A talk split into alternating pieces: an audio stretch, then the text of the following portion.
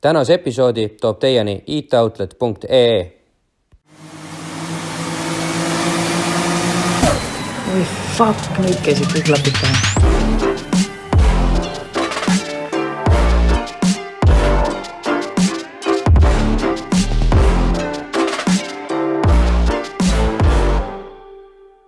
tervitused podcast Rent stuudiost, olete kuulamas autokultuuri teemalist saadet Klapid pähe.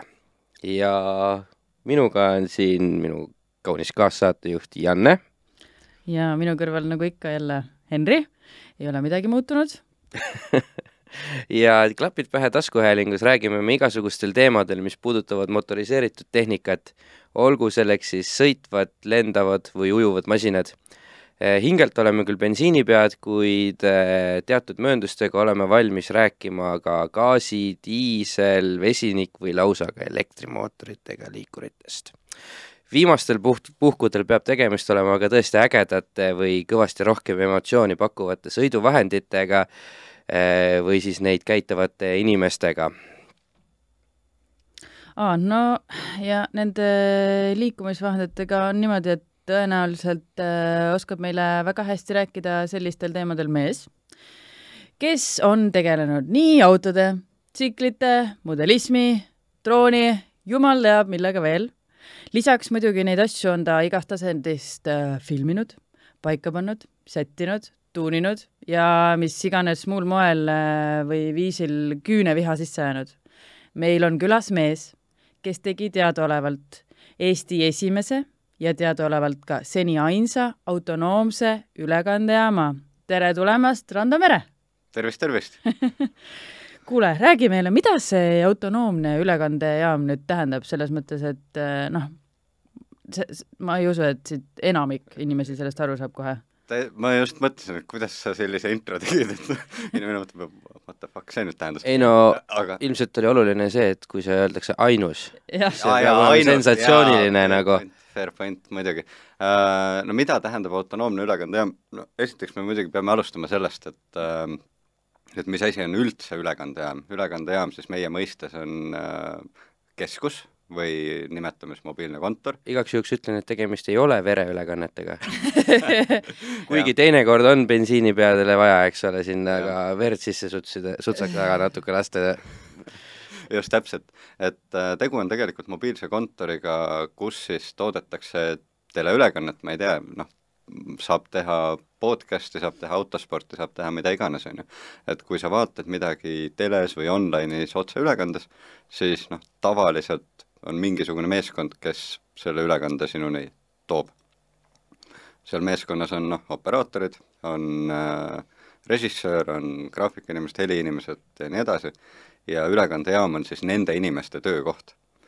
nüüd, mida tähendab autonoomne? autonoomne tähendab seda, et äh, ta on nii-öelda self-sustained, ehk ta ei vaja töötamiseks välist abi. välisabi all peame silmas, ma ei tea, elektrit, internetti, mingisuguseid noh, muid kommunikatsioone.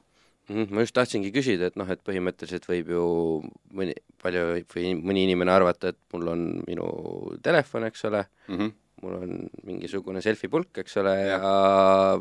ongi autonoomne ülekandejaam. just internet ka ja ma saangi ju teha oma autost laivi jah, aga selles mõttes see ongi, see ongi tänane reaalsus, jah, jah. et äh, noh, see on väga väi-, väga palju väiksemal skaalal, et äh, kui sa tahad ikkagi nagu kümne inimese tööd koordineerida, siis võib-olla sinu telefonist üksi on vähe. sul lihtsalt nii väike telefon, on ei no muidugi mina, noh, mina nagu kasutan ja. ikkagi mõne aasta vanuseid häid mudeleid, eks ole. aga noh, ma selles mõttes täpsustaks, et äh, et äh, Deobivansis on mitte ainult autonoomne, vaid ka ainuke ülekandejaam, mida saab kasutada sõidu ajal. et äh, kõik teised on mõeldud ikkagi nii-öelda statsionaarseks paiknemiseks ja see oli nii-öelda noh, kuidas ma ütlen, initial niisugune building task, on ju, et, et see lähtepunkt, millest minema hakkasime. kas seda vaja on, noh no on olnud vaja, ma tean ühte Ühe korra. et äh, aga, aga noh, kui lähenedes nüüd Petrolheadsi poolt sellele ülekandebussijaamale, siis äh, et räägime ka sellest, et, et äh, see ei ole ju niisama tavaline transit, mitte et transitil midagi viga oleks, eks ole, või No sprinter ikka. enamasti ikka on. aga põhjaks valisid sa ikkagi siukse muskelautode riigist äh, toodud äh, Chevy, et et korralik auto peab ka olema, mitte lihtsalt siuke muruniiduk, et äh, Mhm. et jõudu ka. Ja ometigi Transit oleks olnud palju suurem ja palju avaram kas nüüd, kas nüüd küsimus on miks või?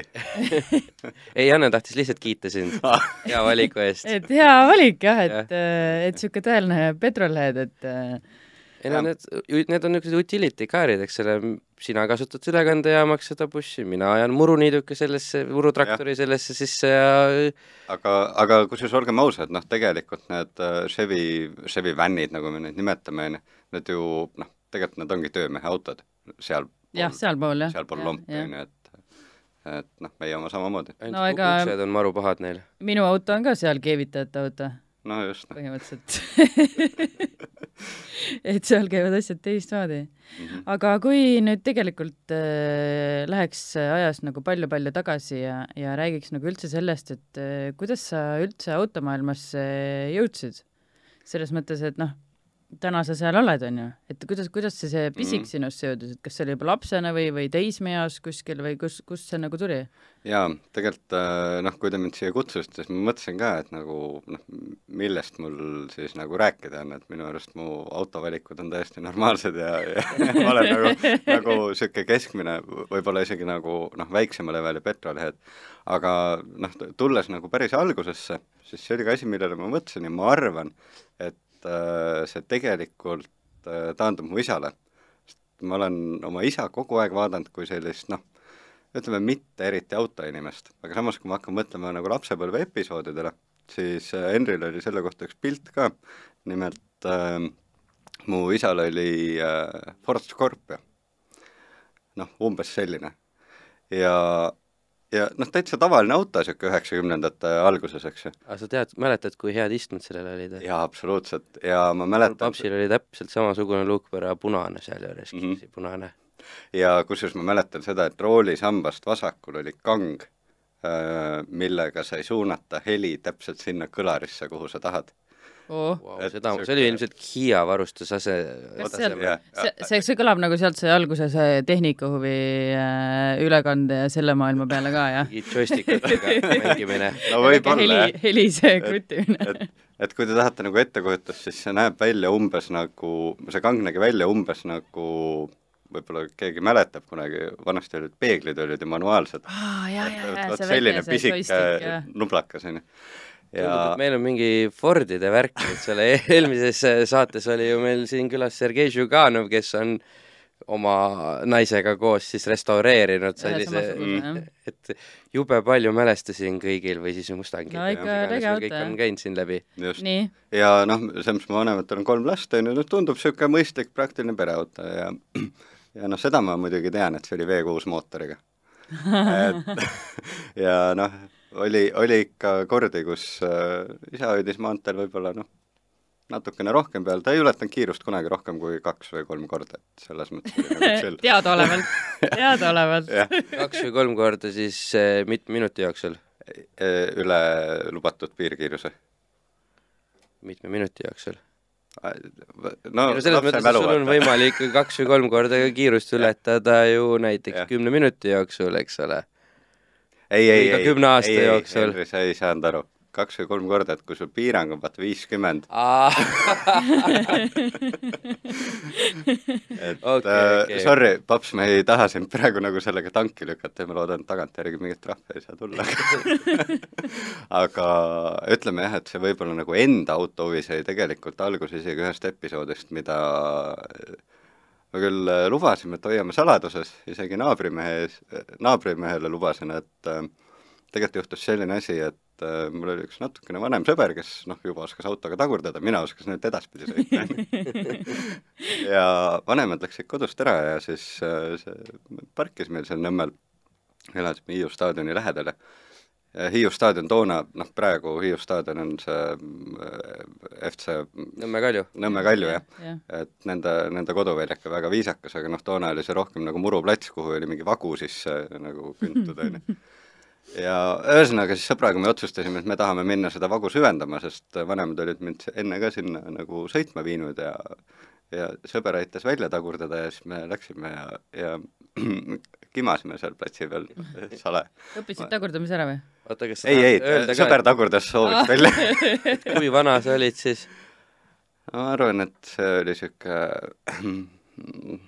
kaksteist-ish, midagi sellist. Mhm. ja ikka veel ei osanud tagurdada autoga? ma ei olnud seda kunagi teinud aa, muidu oleks osanud küll, eks ole, kui oleks teinud, onju. jah, aga ei, siis sõber tagurdas välja ja meil juhtus tegelikult selline intsident, et äh, me suutsime seal äh, äh, driftides muidugi. täiesti teadlik drift oli see tuge peaaegu, onju. ei, selles mõttes me võtsime kõik kapeksid ära et äh, ühesõnaga me suutsime rehvi välja pealt maha sõita. noh, mida teevad kaheteist ja neljateistaastane poiss enam-vähem, et noh, läksime vaikselt kodu poole ja juba mõtlesime, et kust see ketukas nüüd tuleb, sest noh, too aeg oli see nagu täiesti okei laste karistamismeetod, aga aga naabrimees, tänaseks küll kahjuks kadunud meie hulgast, aga, aga tema märkas seda. Ja ta oli niisugune muhe vana, ütles, et noh, poisid. Läksite sõitma, ütles mm, juhtus midagi mm. tuli appi. Äh,, tuli, võttis ratta alt ära, käisime koos panime kuskilt peale, siis pumpasime täis ja sõitsime koju ja siis me pühalikult lubasime talle, et äh, et see intsident jääb nüüd meie vahele. aga tänaseks nagu on see vanemate kõrvu ka jõudnud, see intsident või? nüüd on vist nüüd jõuab kindlasti. ei, ei, nad ei teadnud enne. ei teadnud jah? ei, Õnneks täna vist on juba kõik nii vanad, et eh, ketukas Jah. on juba jäänud unustusse. jah, loodame et nii. vast enam ei saa et ähm, ühesõnaga kuskilt sealt sai see, sai see alguse. mm. aga sealt nagu noh, ma eeldan, et esimene asi, mis võis olla sinul niisugune autospordi või, või, või siis niisuguse tehnikaga seotud võis olla mudelism äkki või? mida suht noorelt vist ka alustasid mm. -hmm. ma ei tea, kas sama vanalt, kaksteist või, või natuke hiljem, aga ja see, see jäi nagu selgelt samasse perioodi, et äh, mul äh, siis nagu naabripoiss äh, huvitus äh, RC lennukitest üldse. ja me käisime sealsamas Hiiu staadionil, ehitasime ise mingeid palsast lennukeid ja asju ja siis vaatasime kataloogi ja, ja tahtsime endale lennukeid osta ja mul kuidagi see nagu lennukihuvi vajus ära, sest noh, seal kataloogis olid autod ka, on ju. ja siis ma hakkasin vanematele pinda käima, et mul on hädasti vaja puldiautot endale. Noh, ma arvan, et seda on päris paljud lapsed teinud. ja no enamusel oli ka, ainult et see piirdus sellise Nikko Jaa. patarei, patareidega Nikuga, jah? ja ei, noh, ma mäletan, mul ema-isa üritasid mind ka ikka viia, võib-olla mäletate, kunagi oli Tihniku Maxi Market selline pood. Äh, sa mõtled seal aa, seal äh, Vana Arki lähedal seal või? Ei. no üle teisel, silla ja, jah, seal äh, Kadaka tee juures, jah. ja, ja siis nad ikka vedasid mind sinna erinevatesse mänguasja poodidesse ja vaatasime neid kahesaja, kolmesaja krooniseid autosid ja mõtlesin ei, ei, ei, ei, et see ei ole ikka see, et meil on vaja minna sinna Kullosse, seal on mudelipood ja sealt osta ja siis noh, kui see eelarve oli kuskil viie tuhande, viie-kuue tuhande krooni juures, siis noh, vaatasid mind ikka, et nagu täitsa, täitsa lollakas peast et miks mänguauto nii palju maksma peab. ja aga ma, ma ei tea, no ilmselt ma olin ikkagi suhteliselt persistent ja ühel hetkel äh, mulle see esimene auto osteti ja, ja kuna seal vist oli nagu see aspekt ka, et ma arvan, et see oli ema, kes ütles, et nojah, ei noh, kahe nädala pärast seisab niikuinii kuskil kapi nurgas, on ju. et äh, siis mul oli vaja näidata, et ei ole. et tal ei ole õigus, jah. ja, ja noh, tegelikult järgmised kümme aastat ma tegelesin ikkagi sellega täiesti professionaalsel tasemel. sul lihtsalt vedas, et sul esimese kahe nädala jooksul ei läinud see väga katki. Läks, läks, läks, jah. päris ja sa viitsisid ta korda ka veel teha siis mitu korda? jaa, absoluutselt, ma õppisin jootekolbi kasutama ja Kahe nädalaga kõik. ja bensiini sees laagreid leotama, kui sa olid liiva sees sõitnud ja, ja nii edasi, nii edasi, nii edasi, et et äh, sest ma mäletan, et nad olid küll ääretult lõbusad sõita, aga need ei olnud Mhm. üldse nii lõbus remontida. jah, ja seda remontimist on seal noh, ütleme, sina ju Sealt ka tegelesid mingi hetk, vaata Kullas me saime kokku, me hiljem saame rääkida, arutada ka sellest, et kust tuleb Rando remondikirg. jah, et, et tõsi ta on, et alguses ma tegelesin elektrimootoriga autodega, siis vahepeal tuli see sisepõlekate värk, millega muuhulgas mul on ka kaks Baltimaade meistritiitlit võidetud. Aga võiks Aga arvata, et sa oskad isegi sõita siis. No vähemalt olen osanud jah. kaks korda Paberid. oskas, kaks korda oskasid? kaks korda oskasin paremini kui need teised, kes sellel võistlusel olid, onju, et, et absoluutvääringut sealt ei saa hinnata, aga aga sisepõlekaga on selles mõttes tõesti ikkagi niimoodi, et kui kui elektriautoga noh, on enam-vähem niisugune fifty-fifty on nagu äh, driving time versus wrenching time on ju, et siis sisepõlekaga on see noh, rohkem nagu üheksakümmend viis protsenti wrenching ja noh, viis protsenti driving või, või neli protsenti häälestamist ja üks protsent lõbu. mina mäletan küll, et sina wrenchisid ja siis äh, mina ja mõni sõber veel, kes olid endale need HPi, need äh, Savage'i Monster Truckid ostnud, et Mhm. sõitsid mm.. jah, sest Rando, Rando kogu aeg siis pidi kas laenama meilt enda autot, sest tema oma läks jälle mingi õõtsoop katki või midagi, jah. Et äh, või siis äh, jalutas juba kodu suunas, kui me tegime viimaseid hüppeid. räägi- kodu oli lähedal seal Jah. Tiigu ma arvan, staadionil. et äh, modellism ei ole paljude nagu ka minu jaoks väga tuttav teema, mis vahe sellel Monster Truckil ja siis sellel, mis siin Pagil. pildi peal on, jah, sellel on nagu, et miks üks kestis paremini kui teine? mis noh, mis neis nagu erinevat on? No see on sama hea küsimus kui automaailmast küsida, mis vahe on Monster Truckil ja Bugil, on ju. et, et noh, tegelikult ongi täpselt samasugune vahe, Monster Truck on, on äh, lihtsalt mõeldud selleks, et sa saad suhteliselt suvalistes tingimustes lihtsalt kihutada ja noh, teda nagu näiteks skate, skatepargis. jah, saad on- kaapsu tõmmata ja, ja nagu äge, äge olla. see noh, tema downside on see, et läheb suhteliselt lihtsalt ümber ja, ja nii edasi, on ju. Aga noh, pagi on siis ütleme ikkagi no need mudelimaailmas nagu nimetatakse rallikrossi pagiks ja võib-olla kõige kohasem võrdlus ongi noh, täna võib-olla juba crosscardiga, kunagi me võrdlesime nagu rallikrossi autoga, ehk nad sõidavad nagu ringrajal mm, -hmm. kus on hüpped ja, ja noh, pigem sellised nagu väiksemad takistused Mm -hmm. et äh, ei, väga vahvad noh, nad on aja peale sõitmise asjad, eks ole, ühed on lõbutsemiseks ja teised on äh, päriselt võistlemiseks just, aja et peale. noh, Monster Aga- Truck on selleks, et saaks tulla staadionile ja tõmmata nokke ja ühesõnaga lollusi teha, jah, jah, jah, et mitte võistlemiseks, vaid lollusteks.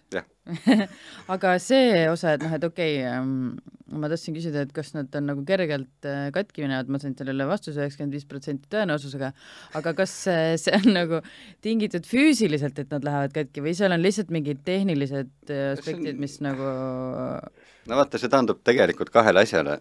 kas betoonplokk jäi ette või ei jäänud ette jah, ja kas betoonplokk oli tugevam või ei olnud, on ju, et äh, no ma võrdlen siin lihtsalt droonidega, need racing droonid, noh, need on nagu ju minu arust päris tugevad või kestavad hästi või, või neid juppe on lihtne vahetada, kuidas see nagu nende autodega on? kui me paneme nagu need autoasjad skaalasse, on ju, noh, siin pildil on üks kaheksas skaalas mudel, liigub niisugune kaheksakümmend kilomeetrit tunnis, on ju, ja ütleme, kaheksakümmend kilomeetrit või?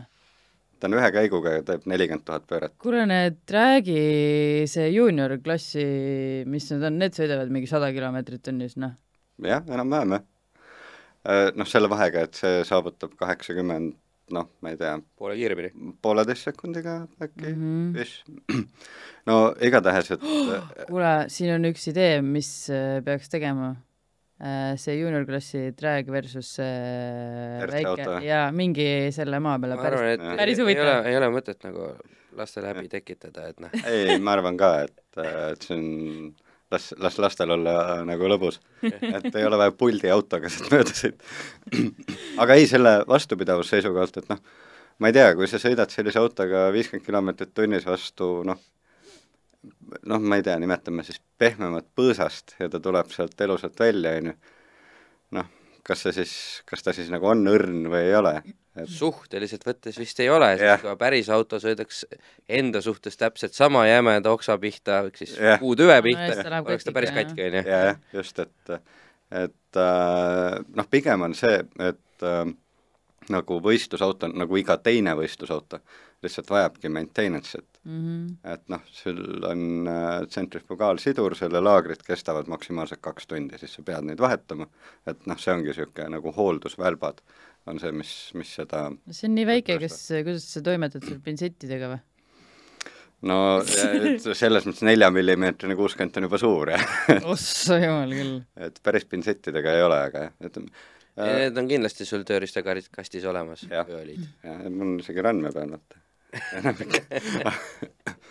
aga ütleme jah, et selle ehitamise ja mehaanika poolelt äh, ma arvan, et see modellism andis mulle nagu väga-väga palju tausta, sest noh, mis oli veel eriti lahe, oli see, et mul äh,, ma mäletan, mul isa, kusjuures mul isa vist ei ole senini käinud ühelgi mudelivõistlusel, kus ma olen osalenud, et ta ütles, et see on sinu hobi, sa ise tegeled ja noh, tema annab nagu nõu, et, et kui on vaja otsustada, kas lapik või ristpea, on ju, noh siis ta ütleb mm, -hmm. miks valida, aga ta ei õpeta mind neid kasutama.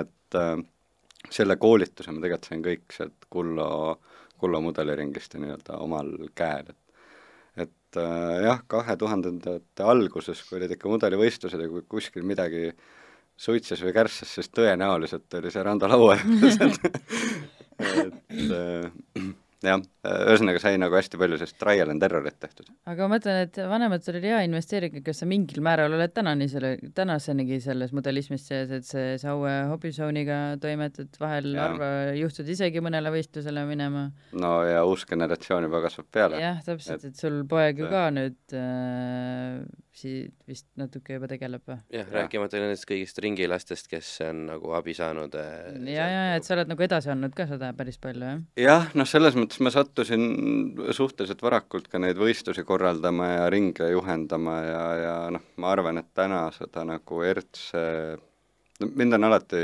rohkem paelunud see mm, mitte nagu sõitmine sõitmise pärast, vaid mehaanika, see psühholoogia, mis käib võidusõiduga kaasa, sellised asjad, et ma arvan, et täna on seda edasi antud juba noh, ma ei tea, sadadele kindlasti, kui mitte tuhat-, ei tuhandetele on palju öelda Mm. mm., et äh, et selles mõttes seda mootorispordi pisikut on nagu süstitud, jah.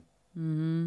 aga see nagu autod ei ole RC maailmas sul ju ainus, et äh, noh, siis äh, maal läks jube igavaks asi, tõmbasid õhku. oota, ma vaatan, kas saab nagu nipsu peale, kurat, hiljaks jäin.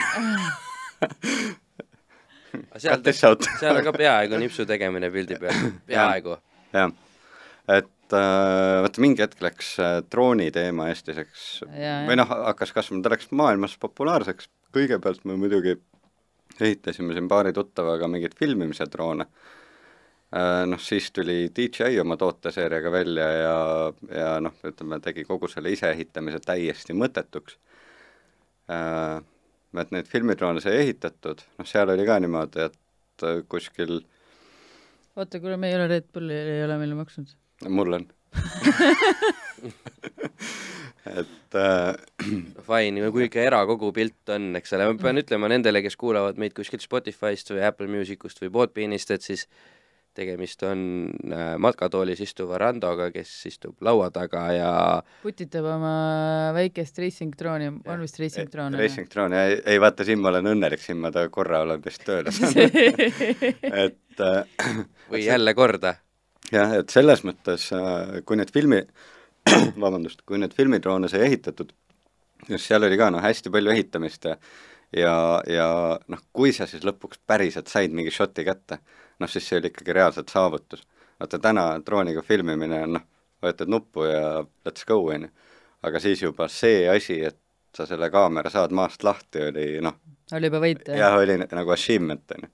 See pilt oli kole, aga, aga nagu see oli sinu tehtud, on ju ja, ja, ja siis see racing drooni asi hakkas nagu, hakkas nagu hoogu võtma ja, ja räägi Ava- täpsemalt, mis asjad need on, millised nad on üldse Mm. nendele, eriti mis- neile, kes ei ole näinud ega Mhm. kuulnud. mis see No- üldse on, racing droon on nagu, nagu klassikaline droon, aga tema eesmärk on võimalikult kiiresti läbida õht õhku moodustatud takistusrada mm. Mhm. takistusrada tehakse siis noh, mingit tüüpi väravatest, mingit tüüpi lippudest, millest sa võid minema vasakult või paremalt või Mhm. et ilmselt on äh, inspiratsiooni saadud nende nii-öelda lennukite Red Bull Air Race või mis need on, eks ole, et Jah. kus nad seal tavaliselt küll siis mere või mingi jõe peal lendavad pontoonide vahelt läbi, eks ole, peavad paremalt poolt, vasakult poolt, Just. ülevalt, alt, mida iganes, eks ole, läbi lendama. põhimõtteliselt sama ja asi, mõõdetakse aega. Sama asi selle vahega, et sa saad need asjad endale osta selle, ma ei tea, lennuminuti hinnaga nii-öelda. Ja, ja tõenäoliselt ei pane see pilti taskusse ka, kui sul hästi kiire aeg tuleb, on ju. jah, aga tõmbad endale prillid pähe äh, okei okay,, siis võib-olla ikka paned pildid etti ka. Et, täpselt oleks siis see, et miks pannakse päriselt piloodid, eks ole, võistlustel on ette nähtud, et sa ei tohi ületada teatud eh, hulka raskuskiirendust G, G-jõudusid, et kui sa oled vist oli üheksa korda ületanud oma Mm. G-jõu, et siis sa saad disklahvi, sest noh, veri kaob lihtsalt õigetest kohtadest peas ja kehas ära ja siis sa paned korraks silmad kinni ja ärkad hetk hiljem võib-olla lood-, loodetavasti üles jah, ilma crash imata. ja see ka sõltub kumba pidi, on ju jah, jah, muidugi jah. et äh, ühesõnaga drone racing on siis jah, ringraja läbimine õhus äh,, niimoodi jällegi tagantjärgi vaadates üks asi viib teiseni, sest äh, ma olen tegelikult ka purilenduri äh,, ma ei ole litsentsi omanik kahjuks, aga ma olen läbinud kõik koolitused ja teinud isegi soololendu purilennukiga äh,. aga jah, ja siin äh, ma sain siis ma arvan, viisteist aastat hiljem minu selja taga on äh, juhendaja Urmas Uska, kes meil seda nii-öelda koolitust läbi viis. jällegi Spotify ja teiste kuulajatele, et siis äh, hetkel on pilt ees siis, kus Rando istub äh, millegipärast maa peal olevas purilennukis. õhust on raske pildistada aga siis veel droone ei olnud või? vot, drooniga niisugune šott. et äh, selle pildi tegemise ajal oleks saanud juba drooniga teha, jah. aga, aga ei, kui ma purilennundusega tegelesin, kui ma seda õppisin, et siis mitte. Nii äh,, me jäime okay,, jaa, jäime sinna, et paned VR-prillid. paned prillid pähe, sul on ja ütle nüüd, kumb rohkem oksele ajab? kas see VR-prillidega läbi raja lendamine või eh, päris lennukiga mingisuguse asja tegemine? no vaata, see päris lennukis on ikkagi sensation on hoopis teine, on ju, sa tunned ju kogu kehaga nagu mm. kõike mm.. sa tunned seda, kui sa lendad näiteks äh, pilve alla mm, -hmm. siis sa tunned õhuniiskust enda vastu tulemas, noh, see, et rääkimata nendest G-jõududest, on ju, et, et sa oled nagu no see on nagu kabrioautoga, vaata, kui sa sõidad sit, sitapütist mööda, siis sa saad aru, et see on seal lähedal. Et, et purilennukiga on samamoodi, et see õhus on ainuke hirm, et see tuleb oma pükstest. jah, ja noh, õnneks, õnneks instruktor on reeglina taga tema saab vist tema tunneb topelt. jah, aga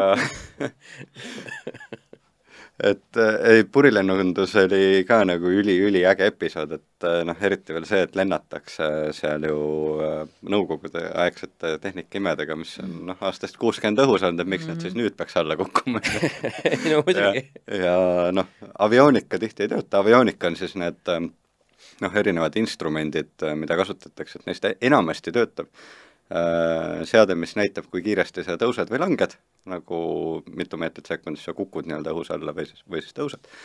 ja kiirus, et aga näiteks Avio Horisont, mis näitab sinu asendit maapinna suhtes, see on neil enamikel katki. ja, ja mäletan, Urmasega oli ega sa nüüd probleeme ei tõmba neile kaela, et kindlasti on neil olemas mingi ülevaatus mis...? ei, ei, ei, ei, selles mõttes, et noh, kui sa sinna istud, siis äh, vaata, sa oled võib-olla harjunud lennukis minemise protseduuridega, et kõigepealt öeldakse, et tere tulemast, härra kalmis, teie iste on seal ja pange pagas siia, on ju. et siis purilendamine algab sellega, et sa kõigepealt tõmbad endale selga ranitse, milles on langevari, mis peale vaadates sa mõtled, et kurat, see pole kolmkümmend aastat avanenud, et huvitav, mis sealt juhtub, kui see välja tõmmata. ja instruktaaž on see, et kuidas tõmmata see kuppel pealt ära ja, ja kuidas siis sealt välja hüpata niimoodi, et sa vastu saba ei lenda. et ähm, selles mõttes, et kui sa näiteks lähed a la väikse Cessnaga või millegagi lendama, siis on ka üldiselt hea, kui sa paned need või noh, nähakse ette, et sul peavad olema need helkurrihmatraksid Mm. mm. ja, või päästevest peab olema seljas mitte langevari, vaid noh, päästevest on ette nähtud, et sa paned jah, selga, et noh, no kui sa vee kohal lendad, ei no jah, aga see on väga julgustav, ütleme nii. on küll jah, et kujuta ette, istuksid, lähed Boeingusse ja siis kõigepealt ulatatakse kätte sinu päästevest ja sinu langevari, eks ole, et noh, emba-kumba vaja on, et pange igaks juhuks, et pange üks igaks juhuks selga juba. Aga vaata, sa küsisid selle kohta, et äh, jaa, et ikkagi kumb oksele rohkem kumb vajab. oksele rohkem ajab, siis äh, ma arvan, et oksele ajab rohkem äkki isegi drone racing, aga seal on üks väga oluline nüanss, et drone racingus noh, lõpuks, kui sa sellega ära harjud, sa tead, et sa istud tooli peal, on ju. ehk kui sul nagu drooniga hakkab midagi väga-väga valesti minema, siis on nupp disarm, mis paneb propid kinni ja kukutab drooni maha, on ju. Purilennukis meil oli selline situatsioon, me tegime termikaõpet, ehk siis seda, et kus on tõusvad-langevad õhuvoolud ja kuidas neid leida. ja selle käigus me sattusime röntgpilve alla, hästi tugev termika oli, ehk siis nagu lennuk tõusis hästi kiiresti. meenuta meile, mis on rünkpilv. See termik- röntgpilv on see niisugune pehme niisugune nagu patine pilv, millele Ah. tahaks kaisu võtta. Jah, see ilus pilv. jah, see ilus pilv. et äh, need, Ja- millest tekivad vihmasaju ja äikesepilved, on ju. nii, ja Janne järgmine küsimus oli see Termikas, ilmselt ei Äh, ole juttu termi- Jaagup Kreemi bändist Terminaator. jah, close enough. termika on siis õhuvoolude üles-alla liikumise nagu noh, põhimõtteliselt kui õhuvool liigub üles või alla aga see on siis ikkagi see, mis toob juulikuus lume maha. jah, põhimõtteliselt küll, see on tegelikult see, mis meil toob vihma maha või toob tuule või toob päikese või noh, ühesõnaga, mis tegelikult loob meie nagu ilma, on ju. Et äh, ja kusjuures jube lihtne on nagu maa pealt vaadates vaata, et aa, mingi pilv on ju liigub ja siis noh, mingi tuul puhub ja midagi nagu toimub, aga ma arvan, et keegi ei kujutanud ette, et nagu õhus on äh, kohti, kus sul õhk liigub üles või alla kümme meetrit sekundis. nagu see on kolmkümmend kuus kilomeetrit tunnis. Et äh, ja noh, see juhtub on ju siis pilvede all ja pilvede ümbruses, kusjuures äikesepilve sees võib tõusuõhuvoolu kiirus olla, tõusu-langeva õhuvoolu kiirus olla kuskil nelikümmend meetrit sekundis. Vau, et, et, korralik. et kui te olete kunagi mõelnud, miks lennukid äikesepilvedest mööda lendavad, siis noh, see ei ole mitte see, et äikesepilve sees on mingid nagu välgunooled müstiliselt, mis siis nagu lennukit tabavad, mis võib ka juhtuda, aga mis üldiselt ei Mhm. tee pigem suurt selle midagi,, selle sest termika pärast. just, et, et kui lihtsalt lendaks äikesepilve sisse, siis need jõud, mis hakkavad lennuki tiibadele mõjuma mm. -hmm. lõhuks selle lennuki lihtsalt seal potentsiaalselt ära. no klassikalises mõttes räägime see tegi minu. reisimise palju hirmuäratavamaks nüüd, et kui ma kuskil nagu pilvi näen edaspidi, siis täna, täna võib äh, lohutada sellega küll, et kõigil kommertslennukitel see-eest avionika töötab väga hästi. jah, ja, ja peamine areng ju tegelikult lennunduses ongi olnud viimase, ütleme, viiekümne aasta jooksul just nimelt seal avionikas ja kõiges Mm, selles, sellepärast et lennuk on ju jäänud tegelikult samaks ju. no loogika on noh, sama jah. ei no jaa, aga noh, ütleme nii, et Boeing seitse neli seitse, eks ole, no ta toodeti mingi, ma ei tea, kuuekümne viiendast kuni kahe tuhande, ma ei tea, viieteistkümnenda aastani, eks ole, enam-vähem. enam ei toodeta? minu arust lõpetati ära vist okei. Neid ei olnud ostjaid enam nii suurtele, vaata. et ütleme, et mis ta siis on, pea kuuskümmend aastat toodet või viiskümmend aastat toodetud mm -hmm. lennukit, täpselt sama lennukit on ju, mida on aeg-ajalt upgrade itud, aga noh, tiivad on samad, eks ole, no okei okay,, mootorid on uuendatud ja, ja puha, aga nad on ikkagi samad lennukid. Ja samas kui sa, ma ei tea, millal sa esimest korda lendasid? oo, äh, üldse, üldse. üldse, üldse, no esimene oli vist ikka mingi see lennureis kuskile üheksakümnendate keskel võib-olla. jah, jah, jah. nii, mäletad sa seda, et kui palju oli oksekotte ja kui palju oli oksendavaid inimesi lennukis? ei mäleta aga mina mäletan oksekotte mäletan. aga ma mäletan, mina mäletan ka, et oksekotid olid teema, jah. jah, üheksakümne kuuendal aastal vist, kui ma esimest korda lendasin, siis igatahes olid mu vanaema prillid ka, kes minu kõrval istus minu oksed, minu oksega koos, eks ole. see on mulle väga südamelähedane teema, nagu te võite kõik aru saada. aitäh, et Ja- sa meile sellest rääkisid. jaa, aga ega lennukis ei olnud ma kindlasti ainukene, neid oli pigem ikkagi nagu palju, on ju. täna sa oksekotti isegi ei saa küsimise peale, eks ole. Ja miks see nii on, ongi sellepärast, et lennukid enam ei ole seda turbulentsi niimoodi, ei ole seda üles-alla kõikumist, merehaigust tekitavat niisugust pidevat, tehnika on liikumist, eks nagu ole., tehnika on parem lihtsalt. jaa, nii et Janne, võid vabalt lendama minna. et äh, oota, aga, aga räägi sellest lennust edasi, mis, kus seal nüüd, kus Nii, me pooleli jäime? tervikad ja ühesõnaga drooniga oli lihtne, noh, kui kõik, kõik läheb halvasti, siis disarm ja kukub Jah, maha ja lähed jah, korjad teed selle walk of shame'i ehk siis otsid oma jaa, kuskilt põllu pealt. ja me sattusime termikas, noh, väga tugevasse termikasse, väga tugevasse tõusvasse õhuvoolu rünkpilve alla ja noh, kuna avioonika ei töötanud, siis see nagu pilve sisse ei tohi minna, on ju aga, aga tõusev õhuvool oli nii raju ja mul oli instruktor taga, aga mina olin nii-öelda puldis. ja tõusev õhuvool oli nii raju, et sa ühel hetkel avastad, et see pilv nagu noh, ütleme siis nagu kukub sulle peale või tegelikult sa ise tõused selle pilve sisse. lükkad küll kangi ette ja üritad sealt ära saada, aga noh, no ilmselt ei teinud siis piisavalt. ja, ja sattusime pilve sisse ja ühel hetkel sa oled nagu üleni hallis. sul on ees kolm instrumenti, kaks instrumenti üks, mis näitab seda, et sa tõused ikka veel seitse meetrit sekundis sinna pilve sisse, üks, mis näitab seda, et su kiirus on okei okay. ja siis on ees üks niit, mis nagu, kui sa oled õhuvoolu suhtes viltu ehk libised, siis ta näitab, et sa libised. aga seda nagu, kui sa kallutad, vaata noh, kuna sul tekib see horisont nii-öelda jaa, et mis, mis asendis sa seal oled.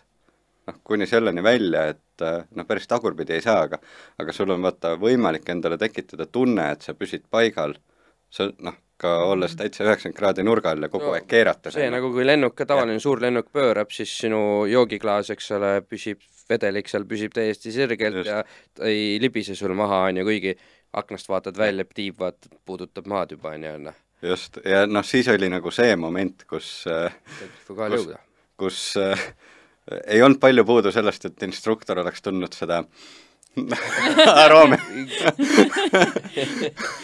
aga, aga ta jäi rahulikuks, ütles, et äh, okei okay,, et nagu selles mõttes see, see kõik juhtub ju tegelikult noh, mingi, ma ei tea, võib-olla paari sekundi jooksul. kiiresti, jah. jah, et ütles, et okei okay,, hoia otse, hoia kiirust ja ühesõnaga hoia kangi sirgelt, hoia kiirust ja üritame pilvest välja lennata. ja noh, siis ühel hetkel oligi see, et sa lähed noh, täiesti halli vati sees, no, no ma ei tea, kui te kujutate ette nagu kõige rajumat udu, mis te kunagi olete näinud, noh siis see on Mhm. see, on ju. ja. Äh, ja, ja ma mäletan seda hetke, kui ühel hetkel oli nagu plaks, niimoodi pilt oli klaar mm, -hmm. ehk siis üldse pilvest välja, thank god. ja kusjuures ma olin mingi neljakümne viie kraadise nurga all kuskil, läksin enam-vähem mõistlik. pööramine lihtsalt. jah, et, et ähm, ühesõnaga, südame pahaks ajab rohkem droon, aga hirmu tekitab vist ikkagi see, kui sa seal nagu sees oled. nojah, sest sa riskid enda Jah. n- nagu reaalselt oma eluga selles mõttes mm., et midagi on seal konkreetselt arvel, arvel drooniga väga, mis noh, ostad uued jupid ja mm. -hmm. endale vist väga nii lihtsalt ei saa, ei ole kättesaadavad need jupid tead. Aga sa ütlesid ennem, et need lennukid, et nad pole alla kukkunud. mina natukene kahtlen selles, et see ma ütlesin sellist asja või? ja need on isegi kuuskümmend aastat on nad õhus püsinud, sa ütlesid seda? aa, et miks nad nüüd järsku peaksid ja, ja, ja ma arvan, et nii mõnigi neist on paar korda kukkunud alla, lihtsalt mina tean ka Ehm. ühte intsidenti, et on üks Oi, jah, Eestis on kahjuks isegi surmaga lõppenud õnnetusi nende samade plaanik-tüüpi purilennukitega, et ja üks neist juhtus ka muide minu õppe ajal, et äh, või kas äh, siis lõpetasidki ära või? ei, ei, meil äh, see, see lõpp oli selles mõttes natukene nagu sunnitud, et äh, see oli siis huvikeskus Kullo õppeprogramm Mm. Seal oli, jah. jah, ja ma täpseid asjaolusid ei tea, aga noh, ilmselt sai selle asja rahastus lihtsalt otsa mm., Mhm. sest noh, meie maksime ikkagi nagu noh, nagu tavalist huviringi õppetasu ja me saime lennukitega No, lennata, et nagu ja, mul mäletan, et mul üks klassivend eh, õppis ka seal seda ja siis Mhm. temast ongi tänaseks muidugi piloot saanud, aga jah, et kutsus meid ka lendama, siis kui Mhm. ta oli mingi niisugune viisteist, kuusteist võib-olla ja tal oli see purilennuki litsents siis olemas, eks ole mm, mm, -hmm. Ja lubas teha surmasõlmi ja kõike igasugu asju, kui ainult, noh, kui me tahame, eks ole, ja et ainult, et me peame siis kinni maksma selle lennu, mis tollel ajal oli mingisugune absurdsena tunduv mingi viissada krooni lend või midagi niisugust. oota, kui vana sul poeg on praegu? kaksteist? üksteist. aa, üksteist, noh mõtle, paari aasta pärast tuleb, issi, kuule, Joonas äh, kutsus, et ta ise lendab, et, et kutsus mind kaasa, et ma läheks lendama. Mhm. tundub usaldusväärne küll, et lased oma Lubas- lapse kellegi teise lapsega niimoodi üksi lendama. jah, lubab, lubab surmasõlmi ka teha paar Jah. tükki. üle tiiva kui üle nina. jah, et äh, ja ta juba nädal aega on litsentsi omanik ei no selles mõttes, et äh, noh, vaata, kõik tundub hirmutav, mida sa ei tea, on ju, No et jaa, et äh, et see litsentsiõpe, noh, ta küll toimus huviringina, aga me läbisime nagu selle täiskoolituse, on ju, et, et nagu kõik meteoroloogiad, raadioside, kõik, kõik, kõik, kõik, kõik, kõik, kõik, et noh, see oli nagu täispiloodiõpe tegelikult ikka kõva asi, mida kunagi tehti no ikka väga, mõtled, jah. et täna nagu, kui sa tahad minna väikelennuki piloodi litsentsi tegema, siis minu arust on niimoodi, et teooria osa ainult üksi maksab mingisugune viiekas mm. -hmm. Ja sinna juurde läheb äh, vist kuus tuhat on kohustuslikud lennutunnid, on ju, või midagi niisugust. võib-olla ma ei jah, ja siis tegelikult lisandub sinna ju veel noh, et see ja. reaalselt ikka ei tulda vist nagu päris selle noh, nagu mm. -hmm. miinimumiga läbi sealt alati, et aga miks sa nagu, noh, ma saan aru, et seal ära lõppes, aga miks sa nagu kuskil edasi seda noh, omast huvist äh, arendama ei läinud? Ähm, no ma olen mõelnud selle nii-öelda lõpuni tegemisele, aga ei noh, elu juhtus selles mõttes, et äh, siis oli vaja hakata tööl käima, olid muud huvid, tüdrukuid What oli vaja vaadata ja öö, noh, kuule, sealt on palju parem vaadata tüdrukutele, nii palju näed ju. nad on nii väiksed.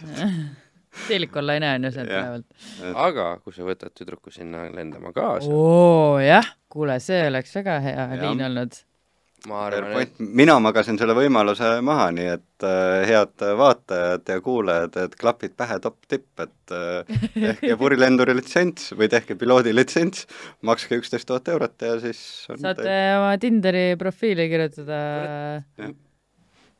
ei, mina arvan, et äh, eralennuk mõjub paremini kui Lamborghini.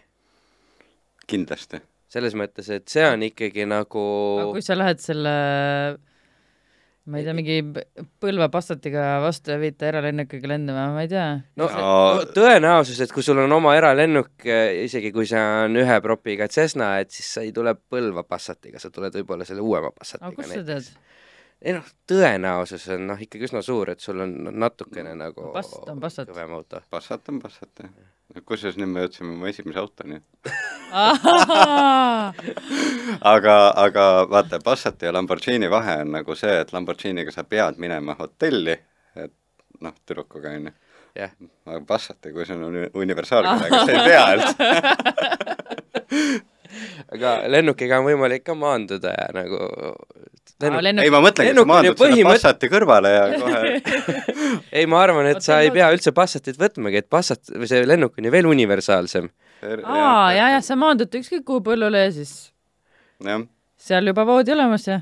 Jah. tagaistmed on ka lennukil ju tavaliselt väikestel isegi Cessnadel, et ja nende taga on veel kaubaruumi osa natukene, mhm. nii et äh, kusjuures ma teen siia vahele teile väikse reklaamipausi, et tänases saates Klapid pähe kuulete kõikidest erinevatest kehavedelike väljutamise meetoditest. ole vaid. ja kuidas sebida naisi selle käigus. Äh, tänan, tänane saadetav on PG, mis on äh, R-rated. ja, ja. Kas me läheme autode juurde ka või? ei, miks autode juurde, me oleme droonidega veel pooleli. aa, okei. aga no tuleme siis droonide juurde korra tagasi, et jaa, oli ju tegelikult We must. jah, et äh, ühesõnaga ma avastasin, et Eestis on nagu kamp äh, tegijaid, kes äh, noh, kes on nagu selle ala tõsised fännid ja mul on alati nagu nõrkus inimeste vastu, kes noh, nagu päriselt on passionate about something. see, see ei ole nagu isegi oluline nagu mil-, noh, mis, milles nende kirg seisneb, aga, aga kui nad nagu oma asja teevad hästi, siis noh, I want in nii-öelda. et ma tahan nagu kuidagi sinna panustada.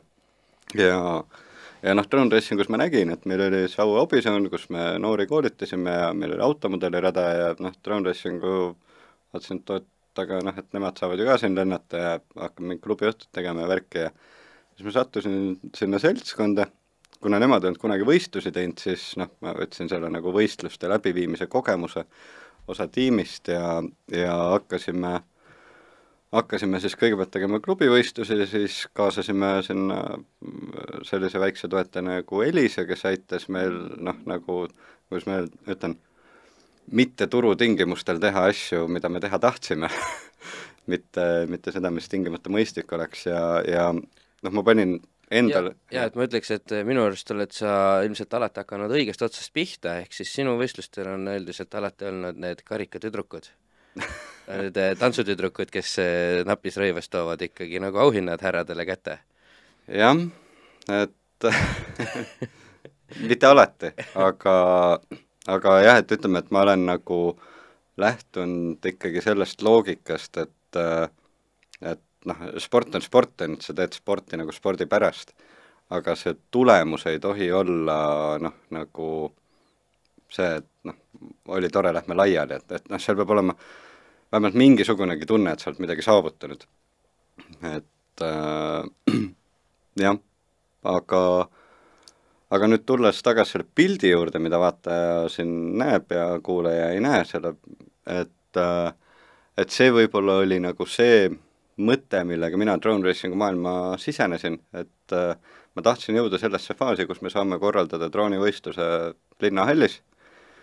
Ja siis täpselt enne Teneti või, Teneti võtteid, äh, või noh, mitte täpselt enne, pool aastat vist enne, õnnestus see ära teha, kusjuures noh, linnahallil on iseenesest päris palju piiranguid seal, ohutuse pärast ei tohi mm. olla teatud arv inimesi ja nii edasi, nii edasi, nii edasi, nii edasi, on ju, et äh, et me pidime isegi nagu võistluse formaati muutma, et seda teha aga see sai tehtud ja see oli niisugune nagu üliüliäge experience. oota, mis mõttes ei tohi olla teatud hulk inimesi, et kas seal oli mingi varisemisoht? ja, ja, ja, ja. no seal on varisemise-ohud ja siis seal olid äh, pead täitma mingi õhukvaliteedi küsimused ja nii edasi. pead täitma mingi ankeedi ka, jah äh,, olen riskitingimustega või selle ris-, riskiga nõus, et äh, võin ära surra Essential, jah. et see oht on olemas seal ju. kas see ei ole see, mida su vanemad allkirjastavad, kui sa sünnid?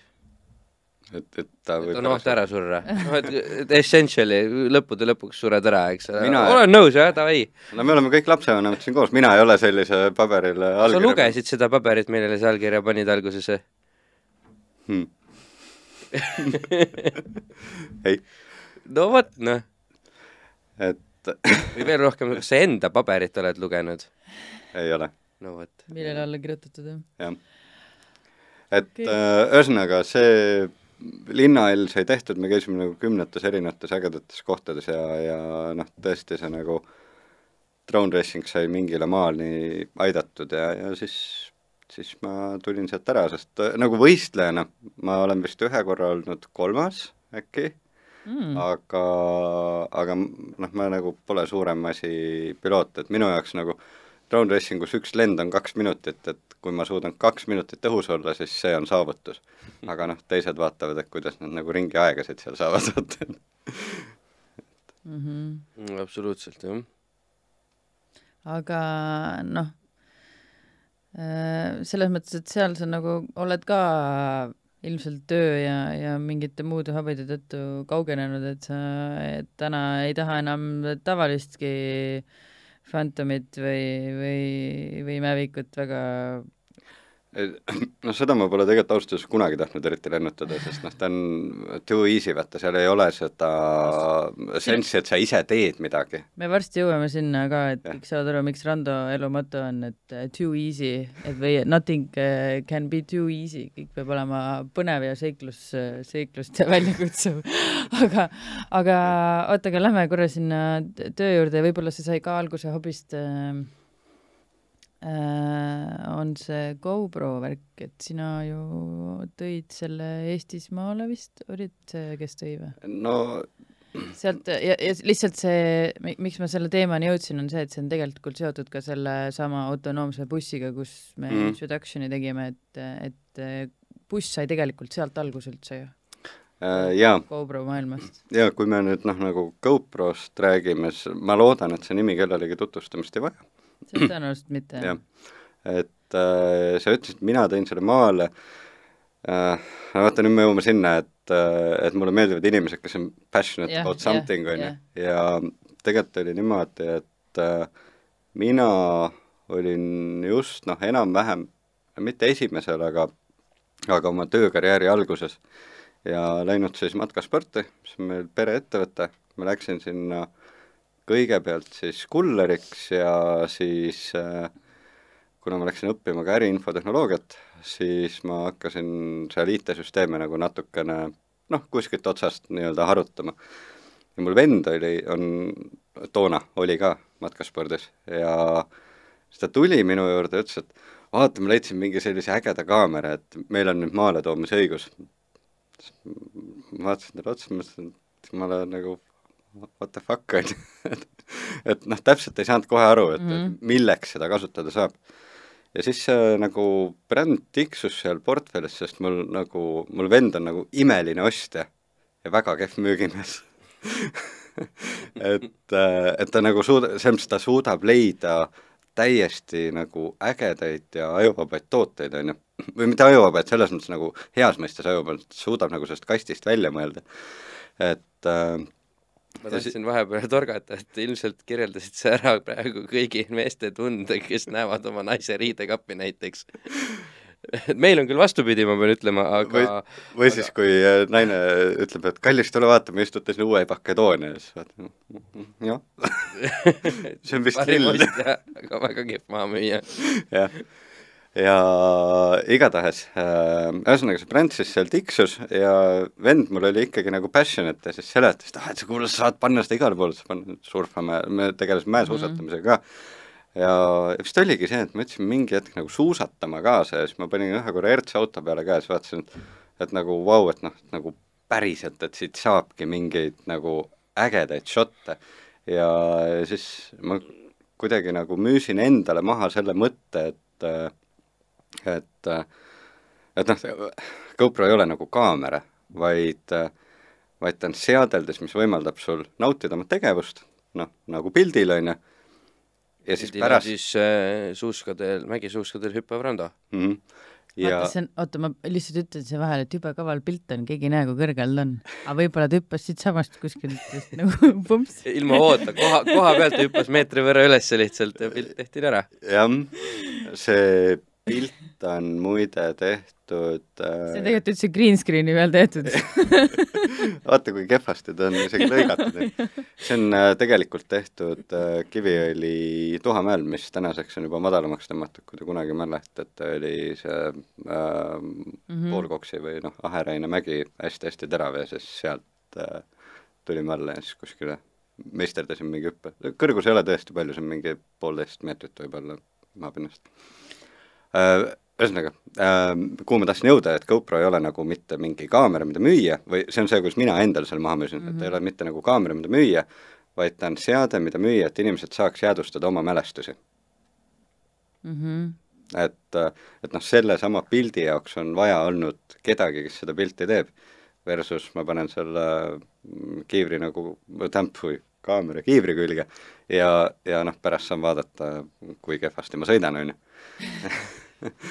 et äh, ja niimoodi ma selle endale maha müüsin ja siis sealt äh, sai hakatud nagu müügivõrku ehitama, läksime kohe nagu selle suunaga, et saaks äh, palju jaemüügikauplusi ja tipphetkel oli neid vist sada neli ja tegime noh, ikkagi üle, üle miljoni, äkki kaks miljonit käivet, et nagu päris suur noh, tänaseks on muidugi väga palju alternatiive ja väga häid alternatiive mm -hmm. nagu ka juurde tulnud, aga mingi periood oli see ikka, GoPro oli nagu kõva sõna, et mm -hmm. igas spordis oli noh, põhimõtteliselt, et kui sul seda ei olnud, siis äh, noh, ära üldse tee. noh, ta on sünonüümne selle action kaameraga tegelikult, et äh, a la nagu küprok on kipsplaadi kohta ja, ja. on boorbetooni kohta. no seda ka ja, ja, aga, aga see see GoPro mõte ja see oli ikka, on ikka nagu selles mõttes lahe jah mm. -hmm. et äh, minu jaoks on alati olnud juba sellepärast äh, hea asi, et noh, et äh, täpselt see enda,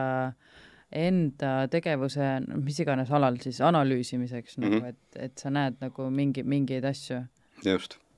et autospordis siis kas, kas seda, et äh, ma ei tea, driftis, kas ikka sõitsid nurgaga, mis võib-olla tundub rohkem, kui pärast videost vaatad, et noh, ikka suht otse või noh, ma ei tea, neid ja, ja ei, noh, just, et, et neid kasutusi nagu tekkis väga-väga väga palju, on ju. ja lisaks sellele kas või, või täna ju ka kasutatakse väga palju au-, noh, ma tean autospordis, okei okay,, seal tsiklid, ma ei tea, lennukis võid ka kasutada just seesama, et et videote tegemisel ju, aftermovie'de asjade tegemisel või, või isegi mm -hmm. tegelikult laivis, et pannakse auto külge välja, sisse kiivri külge, nagu sa ütlesid, puuri külge, ma ei tea, kuhu iganes. kuule, nad isegi kas, ma ei tea, kas äh, otseselt GoPro-d on pandud, aga mootorite sisse on ju ka pandud mingisuguseid väikseid kaameraid, et äh, või, või kuhugi ratta sisse või ma ei tea. no ratta rehvi, rehvi või ei saanud välja külge vist? jaa, välja külge olen isegi pannud ja oleme teinud, mul oli äh, ma juba kujutan ette, et kui sa muidu paned kümme grammi tina valesti nagu, et mm -hmm. läheb plansist välja, mis see GoPro teeks siis sinna äh,? Mitte midagi ei teinud, selles, tähendab, noh jällegi sõltub, kuhu sa paigutad, on ju, et äh, siis, kui äh, Ardo Kalde ja Aivo Alanurm tegid Drift Allstarsi, siis me nagu GoPro alt äh, maksime kinni selle Try and Turkseks siia tulla. siis ma tahtsin Turkiga teha sellist äh, shot'i, see Laitses toimus see võistlus et äh, ma panen GoPro nagu tagavälja keskele, täpselt tsentrisse, ja kui sõitma hakkab, siis see käib ringi mm -hmm. ja kui ta nagu casseriga initiation'i teeb ah,, et äkki see... sellel hetkel tekib mingi niisugune nagu mm -hmm. lahe shot, et äh, proovisime, tekkis, aga, aga see aeg tegelikult noh, kui see shot seal oli ja noh, see läbu, mis toimus enne, et noh, ühesõnaga ta ei olnud kasutatav. et ma sain selle mõtte küll nagu ära teha, aga sealt ei tulnud nagu seda efekti, vaata, mida, mida võib-olla tahaks, et enne on lihtsalt mingid triibud siis korra plaks seisab, et mm -hmm. noh, mhm. selle oleks võinud tegelikult montaažis teha, oleks nagu ja, ja, ja. ägedam saanud. aa, okei okay.. ah, teie tõite Turkey siis siia või? no vot siis. kusjuures, kui ma õigesti mäletan, täna see tundub nagu jabur, aga ma arvan, et see maksis kolm tuhat eurot. et nad kogu tiimiga tuleks ja kuskilt lennukipiletid tõenäoliselt põhimõtteliselt. põhimõtteliselt küll, jah. sest auto tuli ju Venemaalt, eks ole jah, ilmselt see tuli sponsorluskorras, et ilmselt see... küll jah, Kalašnikov andis oma auto lihtsalt siis kasutada ja. vist, et ja noh, tuletan muidugi meelde, et see oli ka mingi üle kümne aasta tagasi, et noh, raha, raha hind oli võib-olla natukene teine kaheksa. kaheksa, jah, aga noh, siiski see oli, kui ma tagantjärgi mõtlen, siis see oli nagu üllatavalt vähe raha selle nagu mm -hmm. eest. Äh, ühesõnaga, tõmbame selle GoPro värgiga teema lukku ära ja, ja lähme nüüd edasi siit äh, tegelikult nende mm, masinate juurde rohkem, aga praegu masinate juurde selles mõttes, et selle Obi-Wani ehk siis äh, räägime nagu lahti ka, et outdoor broadcasting van on siis mm -hmm. Obi-Wan, et kõik aru saaksid.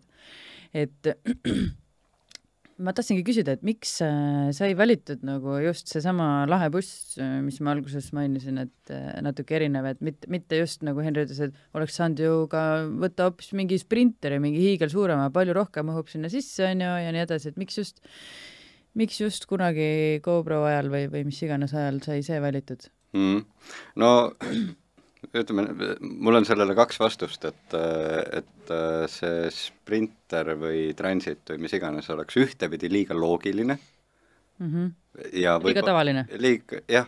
sinu puhul ole liiga tavaline? jah, aga, aga ma arvan, et äh, nagu põhjus, mis mind ameeriklase juurde viis konkreetselt, oli tegelikult äh, väga palju rohkem aastaid nagu, või noh, ta väga palju aastaid enne seda, kui ma selle ostsin siis äh, äh, ma sain tuttavaks sinu isaga ja tal oli, ma ei mäleta, kas tal oli kas Chevy või igatahes tal ja. oli, tal oli nagu Ameerika buss, kus oli, ja ma mäletan seda, et tal oli filtriga kohvimasin, mille taha oli ühendatud veepump, kus sa said seda filtriga kohvimasina veeanumat täis lasta. ja veepaak oli tagavararatta seal, kus neil seisis just, kunagi see just. taga. ja, ja mulle nagu meeldis see, et äh, Aivar oli võtnud vaevaks mitte ainult selle, et ta saab täis lasta, vaid ta sai seda ka tühjaks pumbata. ja, ja. ja siis ma mõtlesin nagu, nagu this is cool ja, ja noh, tegelikult seal oli ka hästi praktiline mõõde, sama asi, mis tema ütles, et et noh, kütusekulu on küll suur, aga samas ma lähen, ta tegeles mudellennukitega vaata too aeg. et ma lähen platsile ja lasen oma voodi laiali ja magan seal, et noh, ma nagu selle kolmkümmend, nelikümmend eurot, mis hotelli peale läheks, et selle ma jätan ju maksmata. ma täpsustan, et see bussiaeg oli tal juba, sina nägid teda siis või kohtusid siis, kui tal oli see punane, kui ta modellismiga tek- te, mm, -hmm. tegeles siis. tegelikult tal oli ju enne seda üks äh, veel ma ei tea, kas generatsioon või paar generatsiooni vanem, kus oli umbes samad süsteemid peal, et okay. et selles mõttes see on juba veel kaugemalt. okei okay,, okei okay.. et noh, vaata siis ongi, et paned nagu kokku selle, et keegi ütleb, et noh, päriselt ratsionaliseerib ära, et mitte, mitte sa ei mm, sa ei vaata seda nagu sõiduvahendit selle stambiga, mis on nagu klassikas, et kõige suurem küsimus, et palju see kütust võtab, on ju, Mhm. vaid, vaid sa vaatad seda nagu juba siis selles võtmes, mis sa et- selle kütuseraha eest saad, on ju? jah, et, et äh, nagu sa saad suhteliselt palju, see on isegi, sa nagu ratsionaliseerid endale selle mõtte ära, on ju, selle kohta on äh, autoajakirjanik Chris Harrisel väga hea äh, väljend, man maths, man-maths mehe matemaatika kõik asjad saab endale ära ratsionaliseerida, küsimus on selles, et kui oluline see sulle on. väga õige. ja noh, paneme sinna juurde ju selle, et äh, noh, ma olen ka üles kasvanud A-rühmaga, on ju. noh, et siis mis võiks olla coolim kui äh, Mhm. must Chevy vänn, on ju. et äh, ometigi ei ole sul punaseid triipe. ei ole punaseid triipe, aga see tekst tegelikult on seal külje peal punane, selle pildi pealt ei tule küll hästi välja. et äh, ja, ja kusjuures veel äh, selles mõttes man math'i on ju, et äh, tegelikult oli üks äh,, ostul oli üks mõte veel, et äh, et vot Sprinter, Transit ja need autod on ikkagi, nad on ennekõike selles mõttes tarbeautod mm, Mhm. lähed poodi, ostad, tarbid ära ja noh, siis müüd võib-olla teisele ja no võib-olla nad kunagi jõuavad kolmandale ringile, on ju. Versus nagu noh, tuletan meelde, et see on ikkagi nagu USA-s on ta tööbuss, on ju, aga meil on ta niisugune nagu hobiauto, mis tähendab seda, et nad nagu väga-väga hästi hoiavad oma hinda Mhm. ähm, mul on see buss kümme aastat olnud, kui ma täna vaatan automüügiportaalist, siis nagu nende müügihind on põhimõtteliselt sama, mis oli selle ostuhind kümme aastat tagasi. et ähm, ja, ja noh, reaalselt kuna see sai algselt ostetud nagu GoPro bussiks ja matkaspordile, siis ma pidin oma isale, kes on väga ratsionaalne, selle kuidagi ära põhjendama ja siis ma vaatasin, ahaa, nii. aga et kui ma nüüd vaatan viis aastat vanasid äh, Transiteid ja vaatan viis aastat vanasid Chevysid, siis ma teen sealt järelduse, et nende hind väga palju ei muutu. ja, ja see, rääkisid ära, jah? see lõpuks oli jah, see mis on äh, üks äh, oluline võib-olla aspekt ka, mis Henri on alati rõhutanud või kuidas tema minule ratsionaliseeris seda oma bussi ostu, et mitte tavaline Mul on ju. täpselt samasugune, StarCrafti variant küll. et äh, ja tegelikult tal oli õigus ka või on, et, äh, et noh, et mingil määral see on ju väga tihedalt kasutatav sõiduk selles mõttes, et see on iga päev, nii-öelda igapäevane mingisugustes oludes. Ja, ja see usakate oma on ikka palju mugavam ja mõnusam sõita ka selles mõttes, et äh, kui, kui, kui nii-öelda need tava, tavapärased kaubikbussid või mis iganes jah, ja on, on noh, selles Ist, mõttes istmest kuni varustuseni, noh okei okay,, tänapäeval muidugi uutel on väga hea varustus, aga ma mõtlen seda, et nendel usakatel on nii palju asju on tegelikult juba, juba tehasest tuleb sisse, et sa ei pea nagu mõtlema nendele lisade ütleks, tellimisele. et number üks ja kõige olulisem asi on automaatkast. Seda jah, ka, võimsa jah, mootoriga jah, koos siis nagu. jah. et äh, kusjuures ja see on tegelikult suhteliselt sürr, et tegelikult eurooplased ju tänaseni ei ole teinud midagi nagu sellise full-size vänni kõrvale. et noh, sa võid ju vaadata mingit Mercedese V-klassi, aga ta maksab Kui- natuke rohkem kui luksusautod. ta, ta maksab natuke rohkem kui luksusautod ja noh, kui me nüüd nagu päris sinna, ma ei tea, kas nüüd nagu Maybachi tasandil on ka midagi, on ju, et kui me nüüd nagu päris sinna mõnesaja tuhandestesse ei lähe, siis noh, sorry, üheksakümnendate Chevyst nagu Mersusse istudes sa saad aru, et Jaa. see istub pargipingile, noh. On, on jah. ta on kurvisuutlikum, ta on parem, ilmselt tal on ka rohkem varustust, sest noh, minu mm. -hmm. minu oma nagu tehase lisavarustus on kojamehed, ei noh, sul on ikkagi, ma ma arvan, et sul on ära ussitanud need äh, konditsioneeritorud ka kindlasti, selle ma olen ise lisanud, ära ussitamise. jah, just ei noh, selles mõttes vaata, et tal ei ole nagu palju featuure, aga, aga noh, ta, ta on mugav.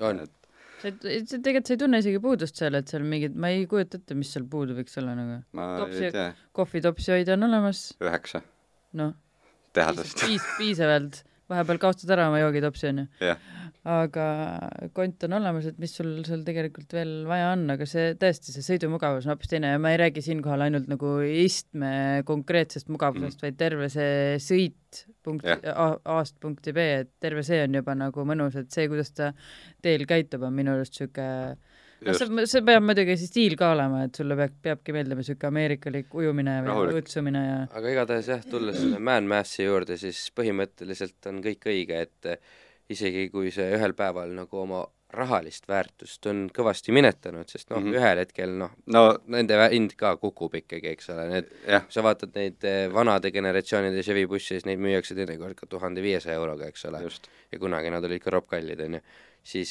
vähemalt saad sa minna American Beauty'le ja aknast lastele patsu lüüa seal Ja, ja, ja, minna parkida selle Ta sirge seljaga sinna hoovi ära ja, või noh, sinna nagu telkla hoovi ja sa oled nagu oma, oma jope ikkagi selles mõttes täiesti. ta, ei, ta, ta, tal on jah see eelis, et ta jääbki lahedaks nagu, et Mm. transitiga sa ei, White Ei ole. van, White van man'ide kogunemisi ilmselt Jah. ei tehta niimoodi, vähemalt mitte siin Eestis. ei, ei tehta jah, ja võib-olla see on hea, et ei tehta, mine sa tea, mis toimuda võiks. ja noh, sellest ja sellest ratsionaalsest aspektist ka, et noh, tegu on kaks tuhat viis aasta autoga ja selles mõttes ma olen hästi palju roostet sinna lisanud juba mm.. aga, aga õnneks on ameeriklased pannud nagu hästi palju materjali, mida saab roostetada, on ju. ei, absoluutselt. et, et noh, kaks tuhat viis aastat Transitit me, mul ei ole küll pilti, aga ma arvan, et see näeb välja suhteliselt rõve. tõenäoliselt jah. et äh, jah, ja noh, ilmselgelt ega see ju kunagi müügiks ei lähe, et selles mõttes ma võin ju man-math'i teha endale, et jube mõistlik on, aga ja sul investeering kogu aeg ainult väärtus kasvab, eks ole, ja kõik puha, mis siis, et ostjat mitte kunagi ei leidu. Isegi ei taha võib-olla müüa, jah. ei taha jah. aga noh, nende busside juures on veel see ka äge, vähemalt noh, meie omal veel eriti.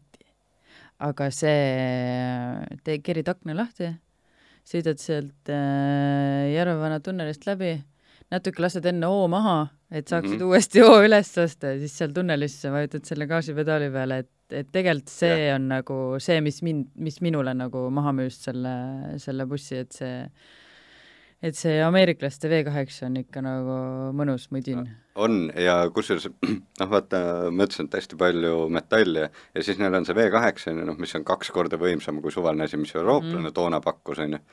ja tiksub noh, põhimõtteliselt ma ei tea, tuhande viiesaja pöördes, ma, ma ei tea, mul pole tahomeetrit nagu sellel.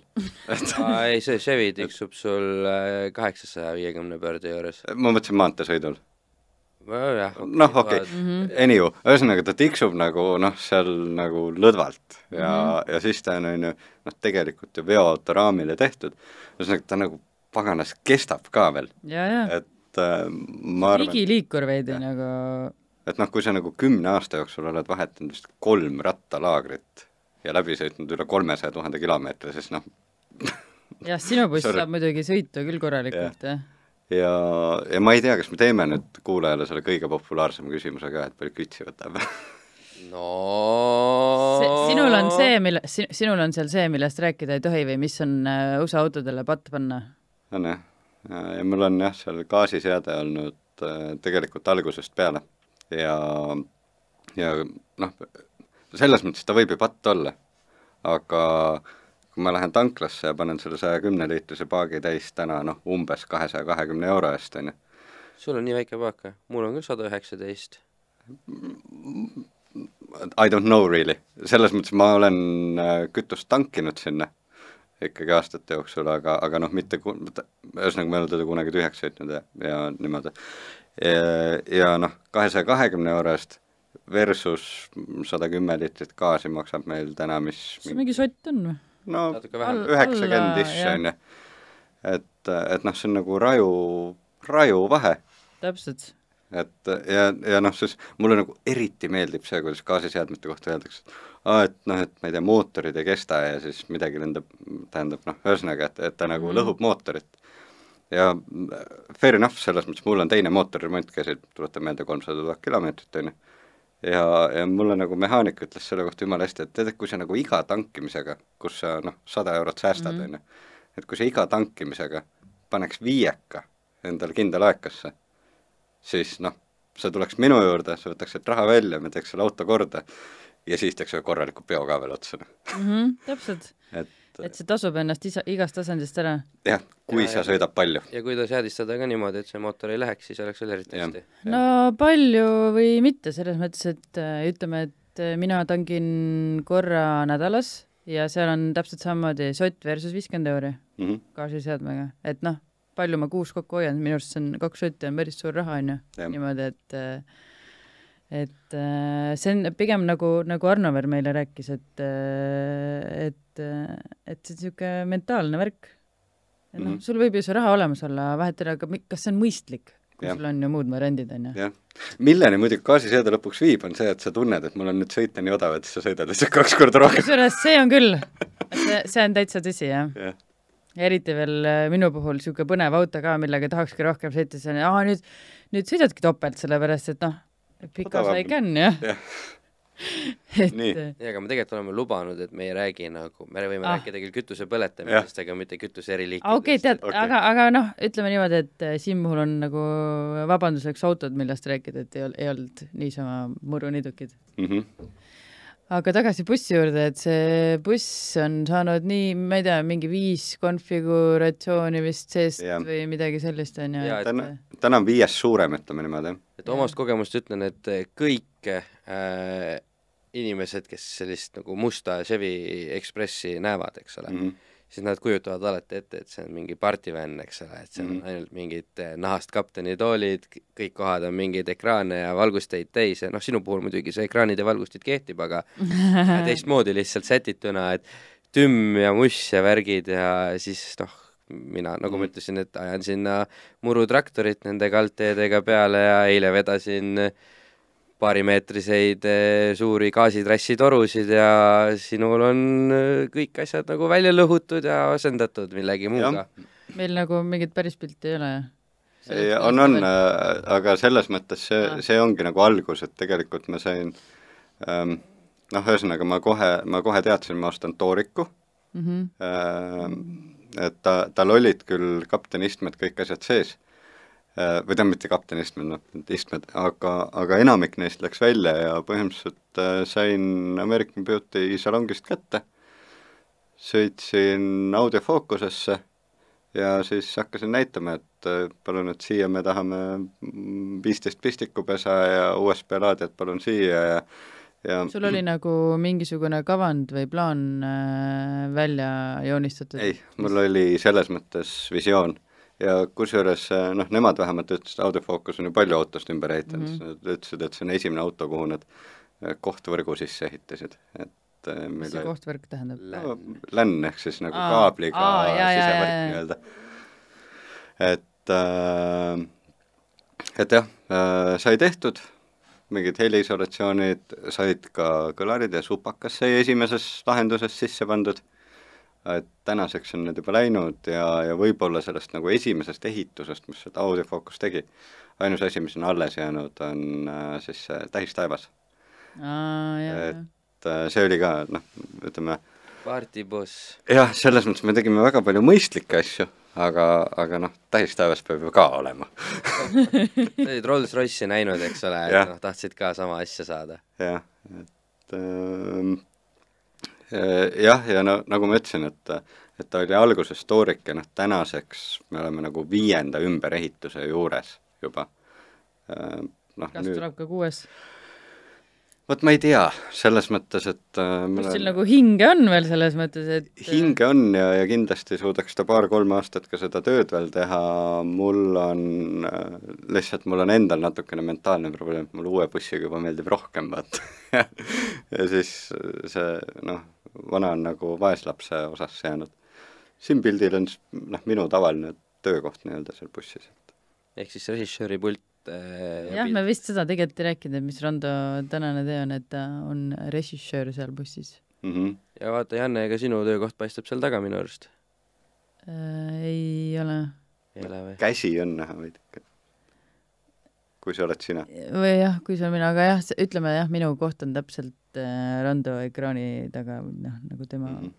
küljega tema suunas. aga mis siis nagu, ma saan aru, et sa ütlesid, mainisid midagi uut bussi, et sa räägid sellest mingi oota, võib-olla räägime veel korra ära ka, mis on mingisugune kõige ägedam projekt, mis See- selle see on see- Obi-Waniga siis see tehtud on see ainus äh, sõitev ülekanne, mis Mm. on siis äh, tehtud, on ju. mm. -hmm. no ma ei tea, võib-olla olete kuulnud, Saaremaal on niisugune poiss nimega Ott, kes äh, päris samamoodi blond nagu sina, onju. jah, ta on minust kõvasti kiirem äh, ja oskab äh, metsa vahel nagu ma ei tea, terasmunadega lihtsalt niimoodi peal hoida, oled sa proovinud? olen. ei, ei, sa ei tea ju. ei, seal on, ma pole Saaremaalt, ma ei saa niimoodi sõita. et äh, aga Ott Tänak tuli jah ähm,, oota, kas ta siis juba oli maailmameister, seda ma ei mäleta, aga Ott Tänakust on tehtud äh, dokumentaalfilm, Ott Tänak the movie, kes ei ole näinud, siis ma nagu siiralt-siiralt soovitan, et see oli nii-öelda tema esimesest suurest püüdlusest MM-tiitli poole. ja sellel oli esilinastus mm, ja esi- kosmoses vist, on ju jah, Mhm. jah. kas, kas ta nimi on Kosmos täna ka või on Imax või? no anyway, vahet ei ole. minu arust osteti ära või müüdi maha või nüüd on üldse Mhm. kinni no, mingi ei no praegu ja no see ühesõnaga, selleks, seal seda Okei. filmi vaadata ei kõik saa. teavad kosmoskino. ühesõnaga siis äh, filmi režissööride poolt anti ülesanne äh, esilinastust kajastada sedasi, kuidas äh, Ott siis sõidab Peetrist, kus see Toyotade pesa on nii-öelda. Äh,, või noh, Toyota Gazoo Racingu pesa oli jah. jah, et äh, kuidas ta sõidab siis Virtsu autoga sealt äh, kosmosesse. Ja siis politsei eskordis saime, saime siis esimest korda päriselt kasutada nagu seda, milleks, esimest ja viimast korda, milleks see buss nagu tehtud ei, ära ütle viimast. sa ei tea? noh, tänaseni, jah. et meil oli äh,, autos oli kolm kaamerat, siis meil oli veel mingid telefonid seal back-up'iks pandud äh,, erinevad helilahendused tehtud, siis meil oli kaamera, kõik olid siis juhtmevabalt nii-öelda bussiga ühendatud. Siis meil oli kaamera politseiauto küljes, meil oli bussi küljes, bussi küljest me veel võtsime ambient heli ja siis mm. -hmm. kogu selle asja režistasime nagu sõidu pealt ära. ühel pildi peal oli näha ka see karvane tuustmikker oli seal bussi küljes. Mm -hmm. ja aga drooni lasite õhku kust? aa ja jah, ja siis sõiduaeg, me käisime seda veel harjutamas, meil oli droonipiloot äh, Kalle Põllu, kes meil tänagi nagu põhimõtteliselt kõik lennud teeb. Et äh, ta siis istus juhi kõrval, meil oli autojuht, oli nii-öelda korraldaja poolt, kes oli nii-öelda Escordis sõitmise kogemusega mm. -hmm. mitte Ford Escordis, aga politsei Escordis sõitmise kogemusega ja siis äh, nii kui Pärnu maanteele keeramine oli, mäleta täpselt, kus see lennupiir, meil oli äh, Lennuametist oli veel taotletud lennuluba nii-öelda järk-järgult, et meil oli ette antud trajektoor ja oli öeldud, et siin võib minna kümne meetri peal, siin kahekümne ja, ja noh, niimoodi nii-öelda kosmosele lähemale järjest suuremaks.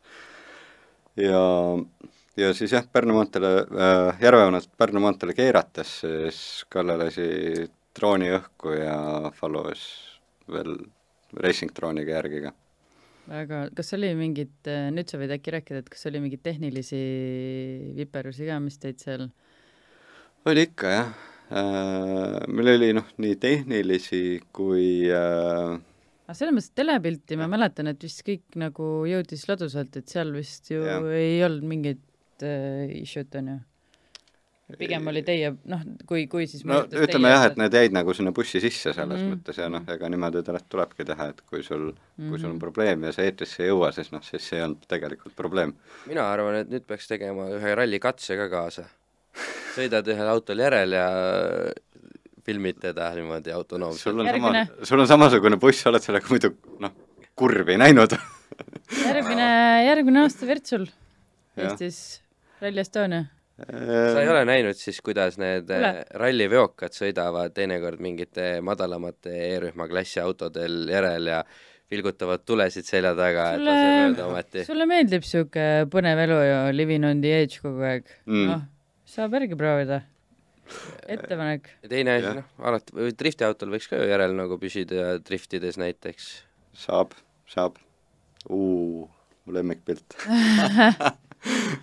Äh, see on muidugi, peab siia juurde kindlasti ütlema, et kes pilti näevad, et äh, või kes ei näe, siis äh, see on seesama Chevy buss natuke külg libisemisest talvel, kus Rando siis suuskadega nööri otsas taga on ja kindlasti ära mainida, et see on kontrollitud tingimustes kinnisel territooriumil ja nii edasi tehtud. professionaalse autojuhiga. professionaalsed professionaalse kõik... autojuhi, amatöörsuusataja, profifotograafiga et ja kindlasti mitte kodus järel teha. jah kui siis helistage ainult Andresele, küsige seda Audru ringilt luba ja, ja minge tehke seal. jah, kusjuures äh, see äh, pilt tegelikult saabus täiesti spontaanse mõttega. et äh, meil oli tegelikult, see on nagu GoPro ajast, ehk siis enne seda ülekandeaega selle bussiga, et kus me läksime äh, auto kakskümmend, toona auto kakskümmend neli ring, täna Porsche ring on ju, läksime filmima talvekarti. Ja mul juhtumisi olid suusad kaasas. Ja vaata, ma panin sulle ühe pildi veel faili nimega Playground, et äh, kui me seda talvekarti seal mingi järve peal filmisime ja ma nägin noh, seda vaadet ja ma teadsin, et mul on suusad kaasas, siis ma noh, läksin Andrese juurde, küsisin please, please, please, please, please, please. Andres ütles naerab, noh, enam eriti ei ole siin naelu, vaatas üle, ütles, et no eriti ei ole tõesti, et let's go. ja saime jah, täiesti nagu puhta välu ja, ja Kaspar Aruvee oli roolis, hoidis peal nii, nagu homset ei olekski ja mina olin suuskadega taga ja nagu üli-üliäge experience oli see kõlab küll nagu täiesti noh, selles mõttes me, noh, meie kiirust ei läinud väga suureks, ma arvan, kuskil niisugune saja kahekümne ümber, on ju. aga kui sul kolm pool tonni liigub külge ees saja kahekümnega, niimoodi, et ja, ja noh, see oli nagu, kõik oli välu ka, ja selles mõttes noh, Kaspar teab ju rada une pealt, on ju. Mhm. ja no mina olen ka nagu rajaga suhteliselt hästi tuttav, et kui sa nagu välu peal üritad tabada seda Spin FM-i kurvi, et noh, kujutage ette, et sa nagu mõtled mm, -hmm. et mhm. kas ta on nüüd siin või äkki on kakskümmend meetrit edasi. ja, ja, ja, ja, ja Aga... ma mõtlen, et see pilt, need, kes näevad, siis see on jube hea äh, reklaamshot GoPro-le ka, et nagu kas saab veel ekstreemsem sport olla enam-vähem, on ju, et äh, et äh, ei, väga, väga äge.